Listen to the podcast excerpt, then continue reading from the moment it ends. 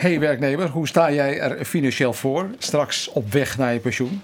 En werkgever, wat kun je hier aan doen? Ik ben Sjaak. Ik ben Roelof, doordenken over werk en pensioen. En vandaag gaan we het over geld hebben. Ja, ik dacht, eh, we moeten maar eens even kijken wat er in de portemonnee zit en in de portemonnee blijft, Roelof. Dat lijkt En- me heel goed. En portefeuille vind ik ook wel interessant.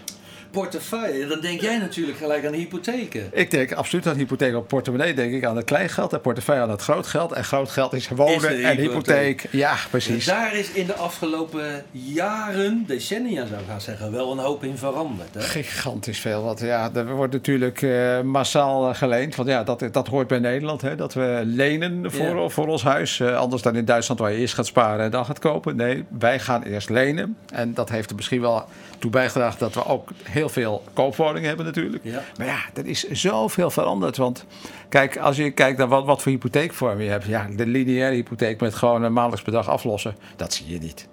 Eh, en de annuïteiten, dus dat je een- vast bedrag per maand hebt aan rente en aflossing. En dat bedrag wijzigt niet, maar de onderlinge verhouding van rente en, en aflossing wel.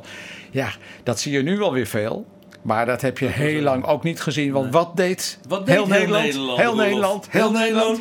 Die deed levensverzekeringen. En, want Oh ja, dan, heel, sparen. dan bleef de hypotheek lekker, de hypotheeklening bleef lekker intact. Ja. Maximale Ja. belastingaftrek. Ja. En ondertussen lekker belastingvrij sparen in je levensverzekering. Ja. Geweldig Zijn natuurlijk. dat nou de meeste hypotheken die zeg maar in deze leeftijdsgroep eh, zitten?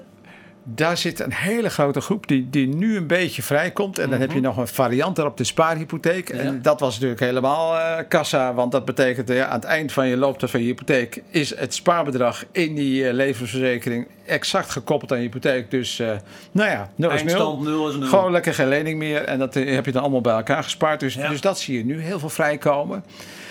En- Maar er zijn ook nog, eh, volgens mij ben ik zelf ook zo'n creatieveling, dat was de aflossingsvrije hypotheek. Ja, want dat komt op een gegeven moment ook. En denk je, oké, en dan hoe los je dan ooit af? Ja, dan zou je ooit wel eens een keer aflossen uit de verkoop van je woning. En Ja. die woning, die woning worden altijd meer waard, was, Ja, was het logo. dus ja. Dus ja dan, dan kreeg je dat. En ja, daar, die, die leningen die zijn ja, zo over een jaar of tien, denk ik, op hun hoos dat die vrijkomen. Ja. Maar ja, als jij dan met pensioen gaat Ja. en je hebt een huis van eh, drie ton en een aflossingsvrije lening van eh, twee ton of zo. Ja, hoe moet je dan die twee ton Ja, weer moet je, terugbetalen? nee, dan moet je hem denk ik opnieuw een hypotheek sluiten. Maar kan dat dan nog? Nou ja, dat is dus even het ding. Hè? Want waar wordt op gelet vaak? Van ja, hoe oud ben je en, en wat voor inkomen heb je? Dus dat is eh, een heel lastig iets om dan een hypotheek te krijgen op normale condities. Dus, dus dat is best een dingetje. Dus als je op weg naar je pensioen bent, dan moet je toch nu wel gaan nadenken: wat ga ik dan straks met die hypotheek Ja, doen? het zou heel goed zijn, denk ik, als ik het zo hoor, om eens even te kijken van... Oké, wat heb ik? Wat heb ik straks nog nodig? eh, om je daar goed op voor te bereiden. Want ik heb inderdaad wel eens gehoord dat, dat je niet zomaar... Ik ben er niet zo thuis hoor, dus je moet, maar je kan niet zomaar nog een keer een hypotheek voor Nee. 30 jaar sluiten als je met pensioen gaat, toch? Nee, want ja, eh, geldverstrekkers houden toch een klein beetje rekening mee hoe lang je kunt leven. Ja, heel lang, heel lang. Ik ben heel gezond, ik word wel 105. Ja, nee, ja. Ja, dus nee, zo dat, werkt dat, het niet. zo werkt het niet. Nee. Dus, dus dat element, daar moet je eh, goed eh, naar kijken. Kijk, waar je eigenlijk van uitgaat, is dat mensen dan kleiner gaan wonen. Hè, ge- ja. Gezin wordt kleiner, eh, misschien eh, blijf je zelf alleen over of met z'n tweeën. Ja, dan heb je een kleinere woning. Dan kun je eh, dure huis kun je verkopen, hypotheek Ja. aflossen. En dan koop je met wat je overhoudt een klein huisje terug.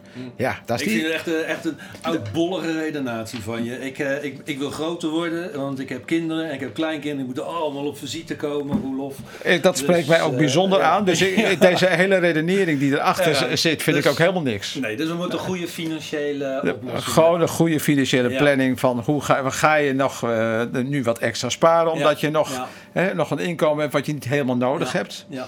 Doe je dat, eh, ga je nou ja, g- straks. geen- wat ook kan, is, is dat je op een gegeven moment zegt van nou, ik ga mijn huis een soort, soort van verkopen en er zelf in blijven wonen. Oh ja? Dat, dat zijn ook die, eh, ja, die, die, die- Oh, dat heb ik wel eens gehoord. Dat zijn- zijn allemaal het, regelingen voor. Opeethypotheek of Ja, zo? Of, opeet- of is dat fout? Nou ja, dat, dat wordt er wel eens eh, tegen gezegd. Maar een opeethypotheek kan ook gewoon een extra hypotheek bij de bank zijn Ja. eh, die je nooit meer aflost. Ja. Hè, maar dat is, vaak, dus, ja. dat is vaak als je al een vrij huis hebt. Ja. Hè, laten we zeggen, je hebt het huis van drie ton. Ja, dan kun je misschien 100.000 euro opnemen. ja. En dat nooit meer aflossen. Nee. En daarvan leven. En maar dan, dat, ga, dan, ga je leuke dingen doen. Ja, en dan- dan eet je het op. verantwoorde ma- wijze. En dat eet je dan op, zo- dan daar. Maar je kan dan natuurlijk wel een stukje van je geld eh, contant maken, zoals dat dan zeker heet. En daar kan je wat mee doen. ja, En dat, als je dan op je 70ste of je 80ste naar een ander huis gaat, dan los je dat weer af. exact. Dat is ja. eigenlijk wel. Wordt daar veel gebruik van gemaakt? Want Dat op zich klinkt dat wel. Ja, dat, dat wordt best wel veel gedaan. Ja. Ja. Ja, want dat is natuurlijk lekker eh, flexibel, want je hebt je huis nog. Want als je dus zo'n regeling pakt met je huis verkopen, erin blijven wonen, ja, dan ben je eigenlijk je huis kwijt. Hè? Ja, dat is, eh, en, En dat voelt huren. niet goed, hè? Nee, nee. Want dan, dan huur je het terug of je hebt het vruchtgebruik of wat dan ook. Maar Nee. dat voelt toch Nee. niet zo goed. Nee, en nee. en eh, kijk, wat ik altijd belangrijk vind als financieel planner, het moet goed voelen. Ja, Je moet je er thuis voelen. Je woont er ook. Hè? Dus Je moet helemaal thuis voelen in je huis. Je moet het gevoel hebben dat je de vrijheid hebt om daarmee te kunnen doen wat je wil. ja.